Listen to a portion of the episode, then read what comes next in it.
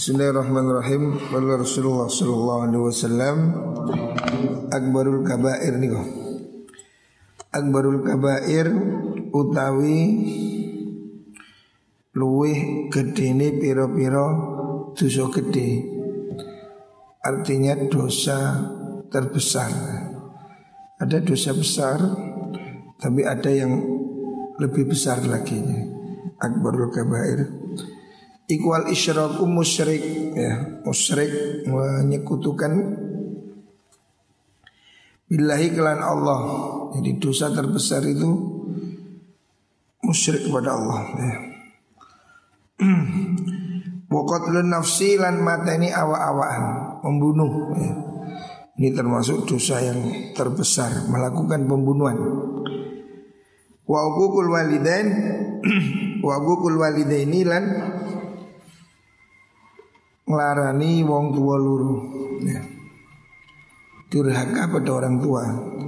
Ini termasuk dosa yang paling besar Akbarul kabair.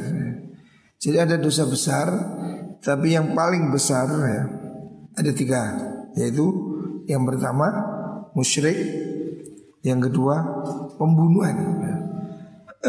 Pembunuhan itu dosa besar. Yang ketiga durhaka pada orang tua. Wa zur yang keempat ucapan bohong ya. Wa zur dan mengucap goro bohong ya ucapan bohong ataupun sumpah bohong ya. Itu lebih besar lagi. Rawal Bukhari. Jadi hadis ini menerangkan tentang dosa-dosa besar. Ya hendaknya dijauhi. Ya. Aksiru dikral maut. Aksiru ngagehno sira kabeh. Dikral mauti ing iling mati. Hendaknya kamu banyak ingat mati. Kesadaran untuk hidup ini Semua orang yang hidup pasti akan mati ya. Hendaknya diperbanyak ingat mati Fa innahu sudene dzikrul maut iku yumahisu dzunub. yumahisu iku bisa ngelebur ngilangaken al-dzunuba ing pira-pira dosa. Karena itu akan bisa melebur dosa ya. Orang mengingat kematian itu menghapuskan dosa wa yusidu fid dunya Wa yusidu lan akan zuhud fit dunia ing dalam dunia membuat orang zuhud membuat orang neriman. Fa in zakartumuhu lamun iling sira kabeh hu ing mengkono maut indal ghina nalikane suki hadamahu monggo ngerusakaken apa mengkono zikrul maut hu ingrina. Jadi kalau kamu ingat kematian dalam kekayaan pun kamu tidak akan lupa daratannya. Banyak orang menjadi lupa ya, karena dia kaya semena-mena. Ya. Tapi kalau orang itu ingat maut maka dia akan hilang kesombongannya. Wa in dzakartumu lamun iling sirahu ing maut indal fakri nalikane melarat. Kalau melarat kamu ingat kematian. Ardokum mongko ngridoaken apa mengkono zikrul maut kum ing sira kabeh bi aisyikum kelawan penguripan sira kabeh kalau kamu ingat kematian maka kamu akan hidup ini neriman gitu. Toh sesulit apa pun seandainya hidup ini melarat melarat melarat itu juga akan mati. Artinya penderitaan karena melarat pun itu tidak lama gitu. Jadi ingat mati ini baik dalam keadaan kaya ataupun miskin. Kalau kamu keadaan kaya ingat mati, maka kamu tidak akan menyombongkan diri gitu. Kamu akan hati-hati. Ya seperti kasus hari ini ya Corona ini kan membuat orang menjadi sadar ya. Ternyata uang tidak bisa membeli kesehatan Obat bisa dibeli Tapi tidak beli sehat Buktinya orang hebat-hebat ya Menteri, pangeran, direktur Orang kaya-kaya juga kena virus ini ya banyak yang ambles, banyak yang mati. Uangnya tidak berdaya, sehingga tidak sombong gitu. Kalau orang ingat mati, ya ini hari ini pelajaran terbesar dari corona ini supaya orang ingat mati ya. Kita tidak tahu seseorang yang sehat tiba-tiba mati. Didi Kempot habis nyanyi corona mati, kan? Di luar dugaan dia. Sehingga kita ini tidak ada yang bisa disombongkan. Kalau kita ingat mati, kita menjadi sadar, tunduk. Kaya pun jangan sombong, miskin pun jangan terlalu menderita ya. Toh, sak miskin-miskinnya mesti juga akan mati selesai. Rawahu Ibnu Abi Dunya an Anas. Aksiru minas sholati alaih. Aksiru ngakeh nusyur kabeh minas sholati saking mojo sholawat alaiya ing atas ingsun. Nabi memerintahkan ya supaya kamu ini banyak baca sholawat ya. Hendaknya kamu memperbanyak sholawat fi yaumil jum'ati ing dalam dino Jumat. Nah, hari ini ya. Hari ini hari Jumat. Ini penting rek. Hari Jumat itu hari spesial. Jangan samakan hari Jumat dengan hari yang lain. Karena Jumat ini spesial. Hari Jumat ini hari Sayyidul Ayyam ya. Jangan menyempilikan hari Jumat. Makanya di hari Jumat ini disunahkan memperbanyak membaca sholawat. Walilatil Jumat dan malam Jumat tadi malam. Faman fa'ala dalika Faman mongkote sapani wong iku fa'ala ngelakoni sopoman Dalika ing mengkuno-mengkuno akfir sholah nih Siapa orang memperbanyak baca sholawat ya. Kuntu mongko ono sapa ingsun? Kuntu mongko ana sapa ingsun lahu maring man? Iku syahidan. Iku syahidan kang nyekseni. Ebi amali Nyekseni amal baiknya. Wa syafi'an lan kang paring syafaat. Ya. Rasulullah ini punya hak istimewa yaitu memberi syafaat. Lah umat Muhammad Shallallahu Alaihi Wasallam besok ini dapat jatahnya khususnya khususnya orang yang banyak baca sholawat ya.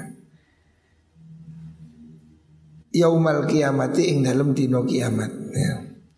Kenapa kok hari Jumat ini disunahkan banyak baca sholawat Karena hari Jumat itu Sayyidul Ayyam ya. Hari Jumat itu Gusti nih Gusti apa bahasa Jawa nih bahasa Indonesia nih apa? Sayyidul Ayam Pemimpin. Ya. Hari Jumat itu pemimpin dari semua hari. Hari yang paling utama itu Sayyidul Ayam Sedangkan Rasulullah Shallallahu Alaihi Wasallam adalah Sayyidul Anam. Rasulullah itu adalah pemimpin semua manusia Makanya baca sholawat pada hari Jumat ini ada keistimewaan. Nah, sebab bertemu dua yang istimewa. Nabi Muhammad itu Sayyidul Anam ya. Sementara hari Jumat itu Sayyidul Ayam. So hari Jumat ini hari istimewa dan hari kiamat itu nanti pasti hari Jumat. Makanya nggak salah kalau ada orang hari Jumat akan kiamat. Iya, tapi buh Jumat tanggal biru. Nah, kalau ditentukan tanggal 15 meleset seliwat. Nah. Jumat nanti hari kiamat. Tapi tidak tahu Jumat yang mana. apa 2200 apa 2050 tapi Jumatan itu akan terjadi pada hari Jumat eh kok Jumatan kiamat itu akan terjadi hari Jumat ya. tapi tidak tentu Jumat hari ini semoga jangan hari ini kita masih kepingin santai-santai. Rawahu Ibnu Abi Dunya an Anas. Rawahul Baihaqi an Anas. Akfiru minas sholati alaih. Aksiru ngakehno siro kabe Hendaknya kamu memperbanyak. Minas sholati saking moco sholawat aliyah ing atasi ingsun Hendaknya kamu memperbanyak baca sholawat pada saya Pada Nabi Muhammad sallallahu alaihi wasallam. Fa innahu mana? Fa inna sholatakum. Setuhuni sholawat siro kabeh Aliyah ing atase ingsun Iku Maghfiratun Ngapura. Itu adalah pengampunan Lidhunubikum maring piro-piro dosa siro kabeh Karena sholawatnya akan menjadi pengampun dari dosamu Watlubu lan nyupriyo sira kabeh. Minta langko lima ring ingsun ad-darajata ing derajat wal wasilata ing dadi lantaran. Fa inna wasilati sedungi wasilah ingsun inda rabbi ono ngersane pangeran ingsun iku syafaatun dadi syafaat lakum maring sira kabeh ya. Jadi keistimewaan sholawat pada Rasulullah Shallallahu Alaihi Wasallam. Kenapa kita disuruh memperbanyak baca sholawat?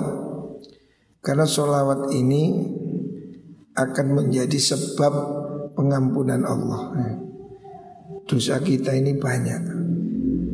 Dengan baca sholawat, insya Allah dosa-dosa ini akan diampuni Allah Subhanahu wa Ta'ala. Dan mintalah wasilah ya ad-darajata wal wasilah. Seperti dalam doa azan itu. Sebab yang dimaksud daripada wasilah itu akan berupa syafaat bagi kita semua kelak di hari kiamat. Rawahu Ibnu Asakir Anil Hasan bin Ali. Aksiru ngakena sira min tilawatil Qur'ani saking maca Qur'an fi buyutikum ing dalem piro-piro omah kabeh. Hendaknya di rumah ini banyak baca Quran. Rumah-rumah kita itu supaya diisi dengan baca Al-Quran. Fa innal baita setuni oma Alladzi la yukra'u kang ora den waca fihi ing dalem bait Opal Qur'an Qur'an? Iku lu dadi setitik. Apa khairuhu? Kebagusane bait. Rumah yang tidak dibacakan Quran ya bisa rumah bisa kamar ya. Kalau kamu di pondok kamarmu. Kalau di rumah ya rumahmu. Hendaknya diperbanyak baca Quran Sebab rumah yang tidak dibacakan Quran Rumah yang full musik Dangdut Tapi tidak ada bacaan Quran Itu yakin lu khairu Kebaikannya itu sedikit Artinya menjadi tidak menyenangkan sedikit Wa yuksirulan dadi akeh Wa yaksurulan akeh Opo syarruhu olone menggunung albait wa yadhiqu lan dadi rupek sempit ala ahlihi ing atase penghunine albait ya. maksudnya yadhiqu ahli itu akan membuat sempit rezekinya. Ya. ayyadhiqu rizquhu. Dalam Fathul Qadir disebutkan salah satu penyebab rumah tangga ya rezekinya seret Itu karena di rumah itu tidak dibacakan Al-Quran. Sebab Al-Quran itu berkah ya Berkah Kitabun anzalnahu ilaika mubarakun. Menjadi berkah. Jadi rumah yang diturunkan di dalamnya dibaca Al-Quran Itu berkah ya. Kebaikannya baik. Bertambah. Rumah tangganya ayam ya. Rezekinya lancar. Anak-anaknya jadi baik. Karena barokahnya pembacaan Al-Quran. Makanya usahakan Kalau di rumah ini ada waktu baca Quran. Malam hari bawahnya. Rumah tangga kita ini banyak yang menjadi gersang Karena tidak dibacakan Al-Quran. Full TV Full handphone Tapi tidak full Al-Quran. Bahkan bagus ya Kalau mau tidur itu nyetel Quran. Coba kamu ini Saya ini berusaha kalau mau tidur nyetel Quran Yasin, Waqiah, Tabarok Itu tidur enak ya Orang kalau mau tidur dibacakan Quran Itu bisa mempunyai efek Apa Penguatan imun nah, Atau ketenangan ya. Orang ini jadi sehat itu karena pikirannya tenang ya. Saya kemarin lihat testimoninya testimoni Tung Jesem Waringin. Ada orang yang kena COVID ya, dirawat. Pak Tung namanya Pak Tung ya. Pak Tung ini dirawat kena COVID. Terus dia berusaha bahagia. Jadi dia itu menyanyi-nyanyi, joget-joget ya karena ya bukan muslim ya.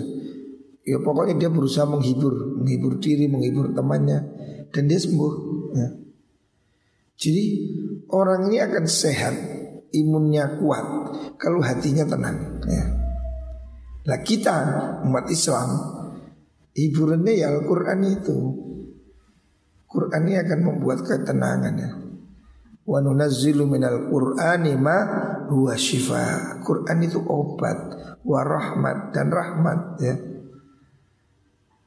Jadi jangan mau tidur pakai headset, olah kali olah kali joget. Ini membuat kamu mimpi buruk. Kak turu-turu lentung-lentung murab-murab jelek gitu ya. Yang benar ya, yang benar perhatikan. Kalau mau tidur itu hendaknya kamu itu wudhu. Nah ini satu. Itu paling bagus. Nomor dua, berzikir, baca ayat kursi, baca kulhu, falak, anas ya. Itu akan membuat tidurmu aman dan nyenyak. Lah, supaya lekas tidur bagaimana? Jika ngelamun nyetel Al-Quran Ini sudah saya buktikan Kalau kamu tidur sama nyetel Al-Quran Gak suwe Yasin durung Tutup wis turu kalau tidak, istah. Dulu nara-nara sing turu nggak headset itu. Iku oke-oke, gak mari-mari. Gak turu-turu karena fantasinya ke mana-mana. Tapi kalau kamu itu mau tidur nyetel Quran, jajalan dul, jodang duta yang nih, uket-uket. Nanti turu nyetel Quran, Yasin. Engkau Yasin dulu mari kan turu. Ini akan membuat ketenangan ya. Jadi mau tidur itu sekarang kan bisa pakai handphone. Setan kepengmu ya daripada kamu buat game daripada kamu buat YouTube buat Quran. Jadi mau tidur taruh Quran. Pakai aplikasi atau pakai YouTube boleh asal Quran. Jadi saya ini alhamdulillah walaupun tidur malam jam 2, jam 1, jam 12 Tapi jam 3 bangun enteng nggak ngantuk Karena tidurnya nyenyak ya. Jadi sebelum tidur Nyetel Quran Wong handphone bisa setel Quran ya. Yasin, Waqi'ah, bareng Itu biasanya belum selesai sudah tidur Mesti saya ini saya ini kalau mau tidur itu nyetel Quran ini Ar-Rahman, Waqi'ah, Yasin Kadang si Ar-Rahman wis turu Enggak didik waki ais turu. Jarang sampai tiga surat ini. Enak, enak. Mau tidur coba kamu rasakan. Mau tidur nyetel Quran. Apalagi kalau bacaannya yang enak gitu. Yang apa? Bacaannya yang kalem. Ar-Rahman Allamal Quran Enak enak saya Turu di Luis Tapi kalau kamu mau tidur nyetel dangdut, yo goyang-goyang ini kak turu-turu ya. Gedek-gedek terus. Tidak bagusnya. Sebaiknya sebelum tidur itu baca Quran. Yaitu sekarang yang paling gampil teknologi modern. Handphonemu itu buat pakai pakai YouTube boleh, pakai aplikasi boleh, banyak aplikasi Al-Qur'an. Sudah setel tek tidur. Enak ya. Ini saya sudah membuktikannya. Mau tidur nyetel Quran itu membuat tidur kita nyenyak dan enak.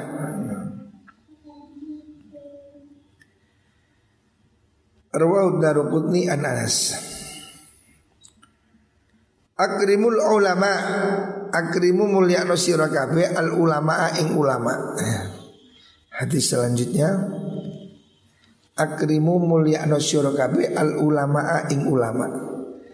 Rasulullah Shallallahu Alaihi Wasallam memerintahkan kamu supaya hormati ulama, hormati ahli ilmu ya. Hendaknya muliakan para kiai, para guru.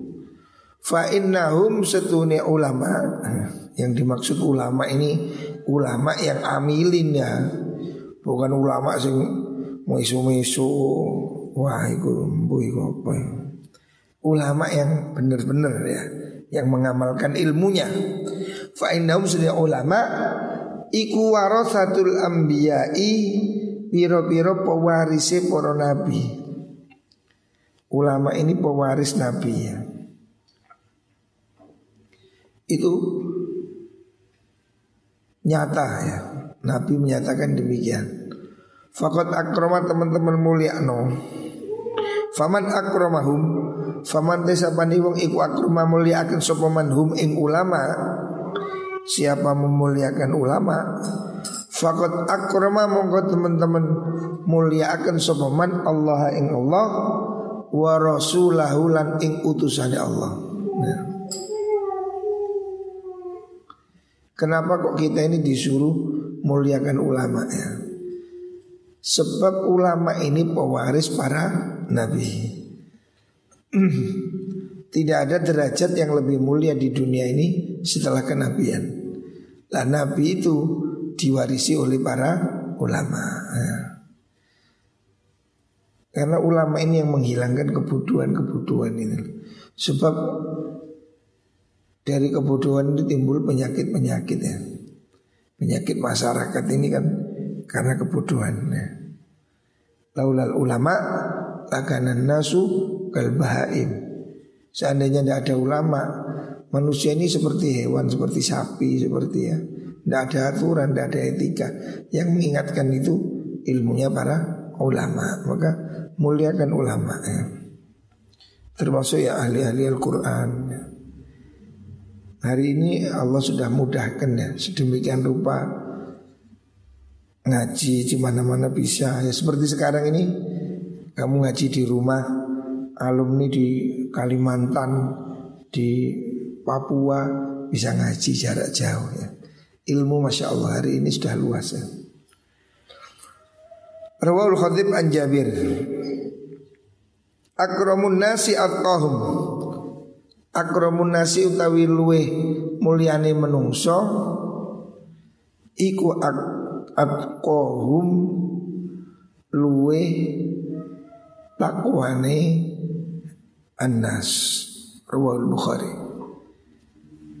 Orang paling mulia di dunia ini Bukan siapa-siapa Inna akramakum Indallahi atqakum Jadi kemuliaan itu ada pada takwa Takwa itu di mana? At-takwa hahuna. Takwa itu di sini ya, dalam hati. Takwa itu tidak diukur dengan surban, jenggot, cingkrang, bukan di sini. Takwa itu di sini ya. Inna akramakum indallahi atqakum ya. Kemuliaan manusia itu di takwa. Sebab kehormatan manusia itu takwa. Takwa itu yang menjauhi dari dosa-dosa ya, melaksanakan perintah Allah. Makanya setiap hari Jumat ya, pasti seminggu sekali kita itu selalu diingatkan oleh khotib ittaqullah ya. Tidak ada khutbah tidak pakai ittaqullah di mana-mana pasti khutbah ada wasiat takwa. Artinya kita ini diingatkan Allah setiap minggu itu minimal satu kali. Ittaqullah. Faya ma'asyiral muslimin ittaqullah. Nah. Kalau seminggu satu kali berarti satu bulan berapa kali? Minimal empat kali, bisa lima kali. Satu tahun berapa kali? Satu tahun bisa menjadi 56 kali hmm? Atau lebih ya Kalau satu minggu 4 kali 12 48 Tapi ada yang 5 Satu tahun kira-kira 54 54 kali Jumatan ya. Satu tahun Kalau 10 tahun 540 kali Kalau kita berusia 40 tahun Berarti sudah berapa kali? Diitakullah 2000 kali. Ya. Jadi kita ini ribuan kali diingatkan oleh Allah. Kalau orang itu usianya 50 tahun Berarti sudah diingatkan 3000 kali. Allah mengingatkan semua orang ini sampai ribuan kali. Ittaqullah. Takutlah engkau pada Allah. Karena kunci kemuliaan itu ya takutlah pada Allah ya al apa niku? Al hazmu an tusyawira ra'yin thumma tuti'uhu. Al hazmu utawi perkara kang luwih agung yang kukuh ya. Maksudnya orang ini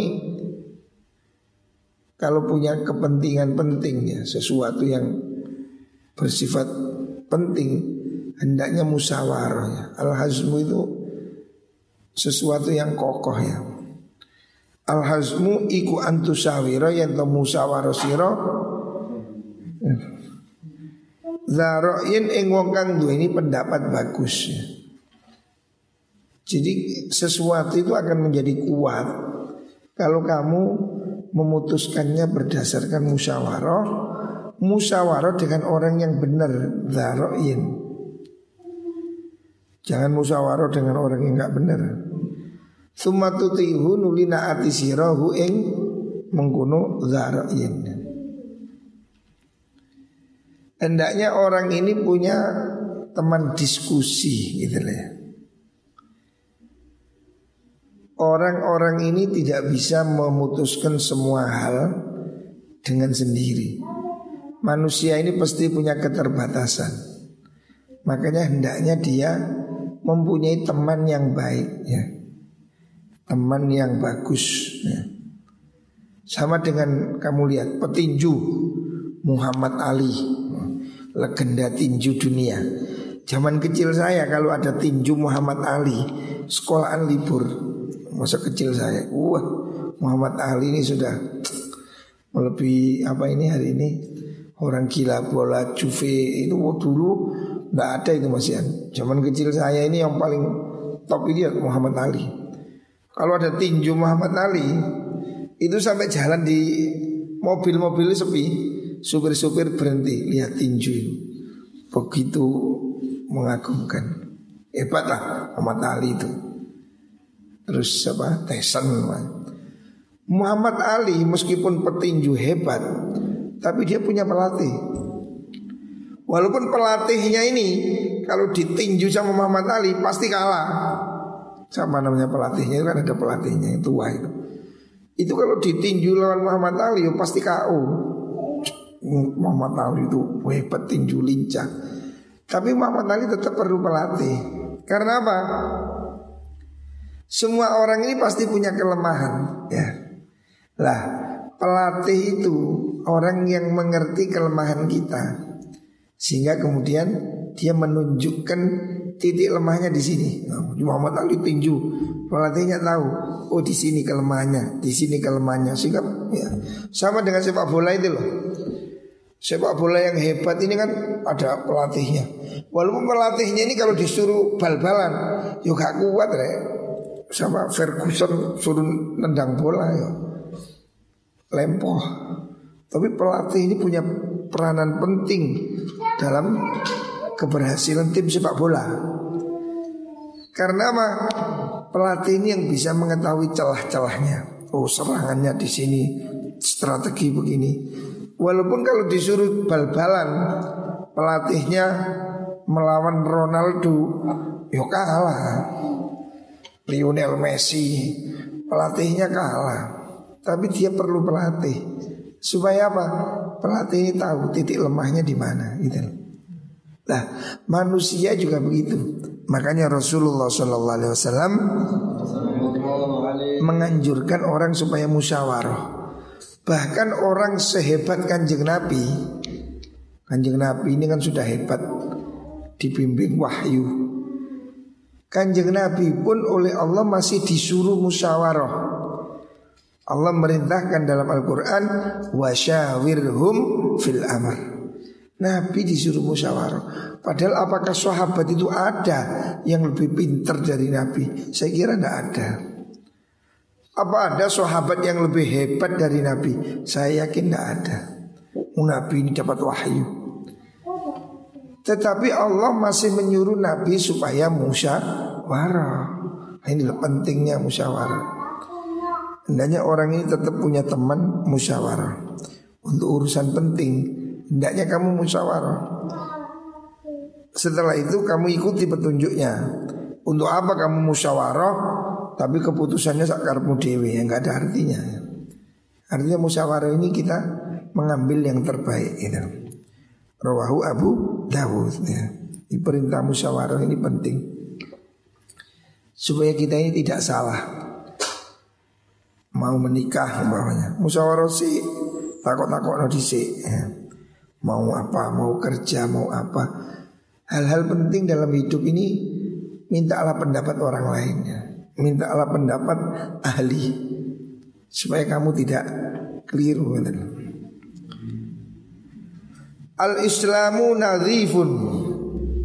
Al-Islamu utawi agomo Islam Iku nadhifun bersih ya Islam itu bersih. Baik bersih secara hissiyah Bersih secara apa namanya fisik.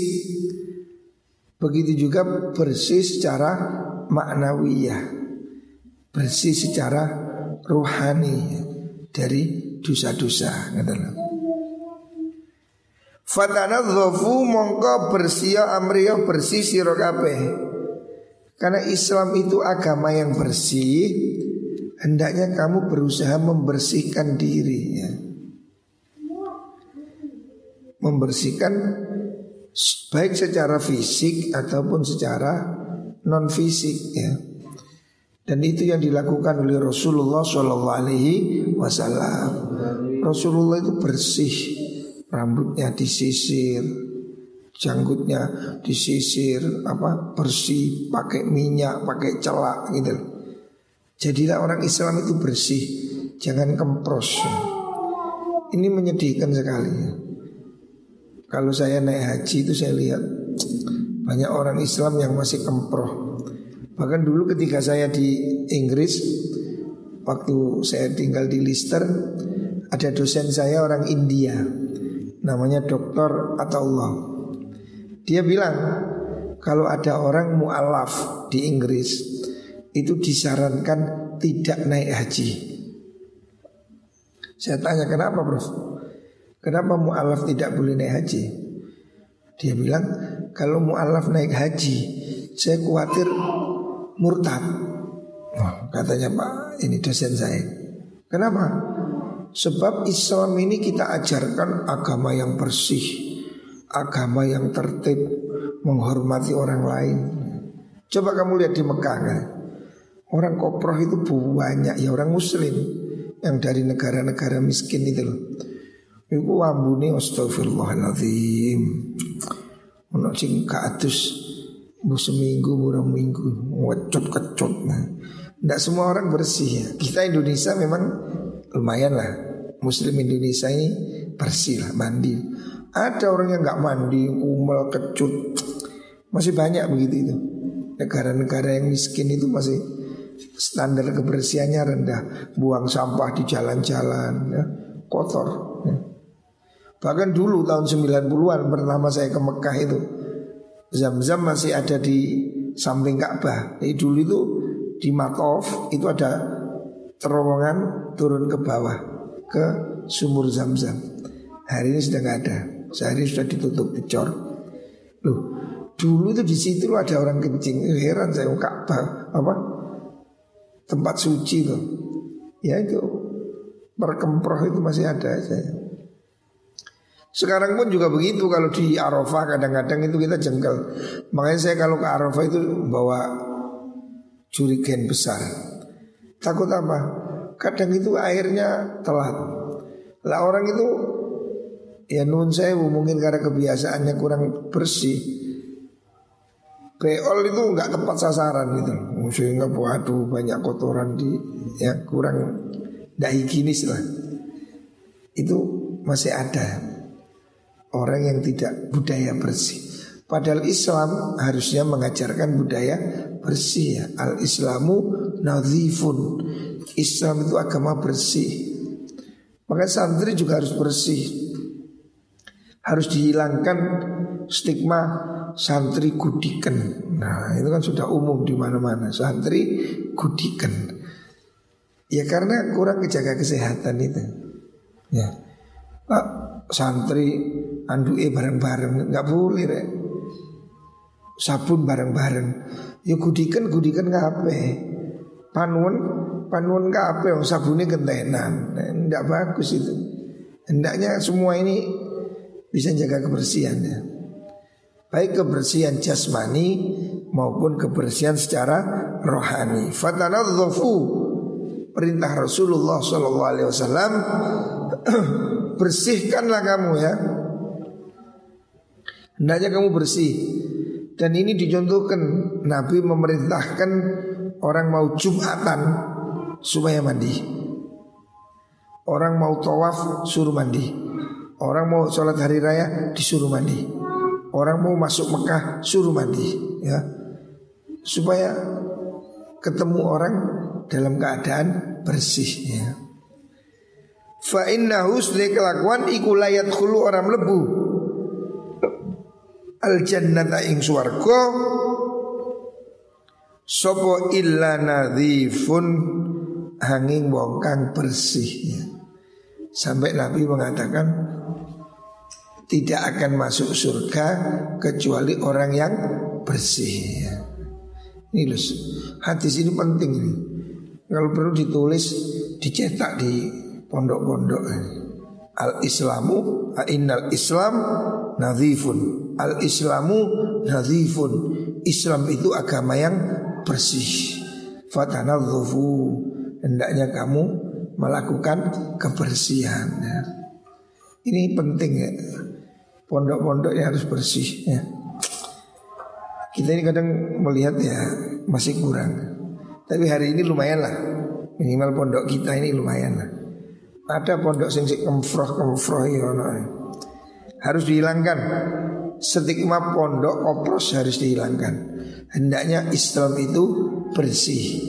La yadkhulul jannata illa nadhif. Tidak akan masuk surga kecuali orang yang bersih. Maksudnya bukan hanya bersih tubuh, juga bersih dari dosa-dosa. Arwahu Dailami. Al-akbaru minal ikhwah bimanzilatil abi.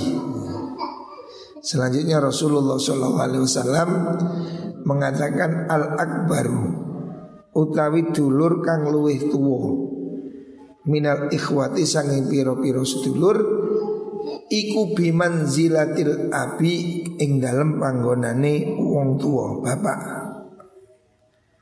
Maksudnya hendaknya orang ini hormati saudara yang lebih tua gitu saudara tua itu pengganti ayahmu ya. Baik saudara tua dari segi nasab kakakmu ya. Jadi kakakmu itu anggap seperti orang tua. Budaya Madura saya lihat ini lebih baik ya. Saya punya teman yang asli Madura. Itu adik sama kakak boso itu bagus. Ya. Adik pada kakaknya boso, tahu boso, pakai bahasa halus seperti anak pada orang tua. Itu pendidikan yang bagus. Sehingga dari situ jarang terjadi pertengkaran. Kita ini banyak orang cekcok, rebutan warisan, rebutan ini. Karena adik kakak ini kayak konco. Golut ya, adik kakak. Cili-cili ini nggak bagus. Harusnya diajarkan adik menghormati kakak seperti anak menghormati orang tua. Itu penting. Termasuk juga menghormati orang yang lebih tua dari segi agamanya, senior pada kiai, kakak kelas atau ilmunya. Ini harus dibiasakan. Yang muda menghormati yang tua yang tua menyayangi yang muda ya. Laisa minna malam yarham saghirana walam yuwakir kabirona. Jadi bukan golongan kita. Golongan kita ini orang yang harus menyayangi yang kecil, yang kecil menghormati yang lebih tua. Ini supaya kita harmoni ya. Moga-moga semuanya hidup rukun ya saling menghargai terutama kakak adik atau di pondok adik kelas kakak kelas ya ojo jambal hari cilik koyo iku acis nyeluk sing luwih tuwek iku nyeluk cak oh cak hafid ngono lho cok pit hafid ojo ngono iku cilik nyeluk oh cak hafid ya kan idul nyeluk fadil mawane cak fadil ngono Ojo dil, ngono, gak sopan. Ya. Biasakan menghormati yang lebih tua gitu loh. Yono nang Samsul di Yono. Aci apa Yono be Samsul tuh Andi. Ah, Yono nyeluk Kang Cak. Kalau di Lirboyo dulu saya di pondok begitu semua dipanggil Kang. Kang, tolong Kang. Kang, wabe celuk Kang, cili gede Kang. Nah itu nggak apa-apa bagus ya.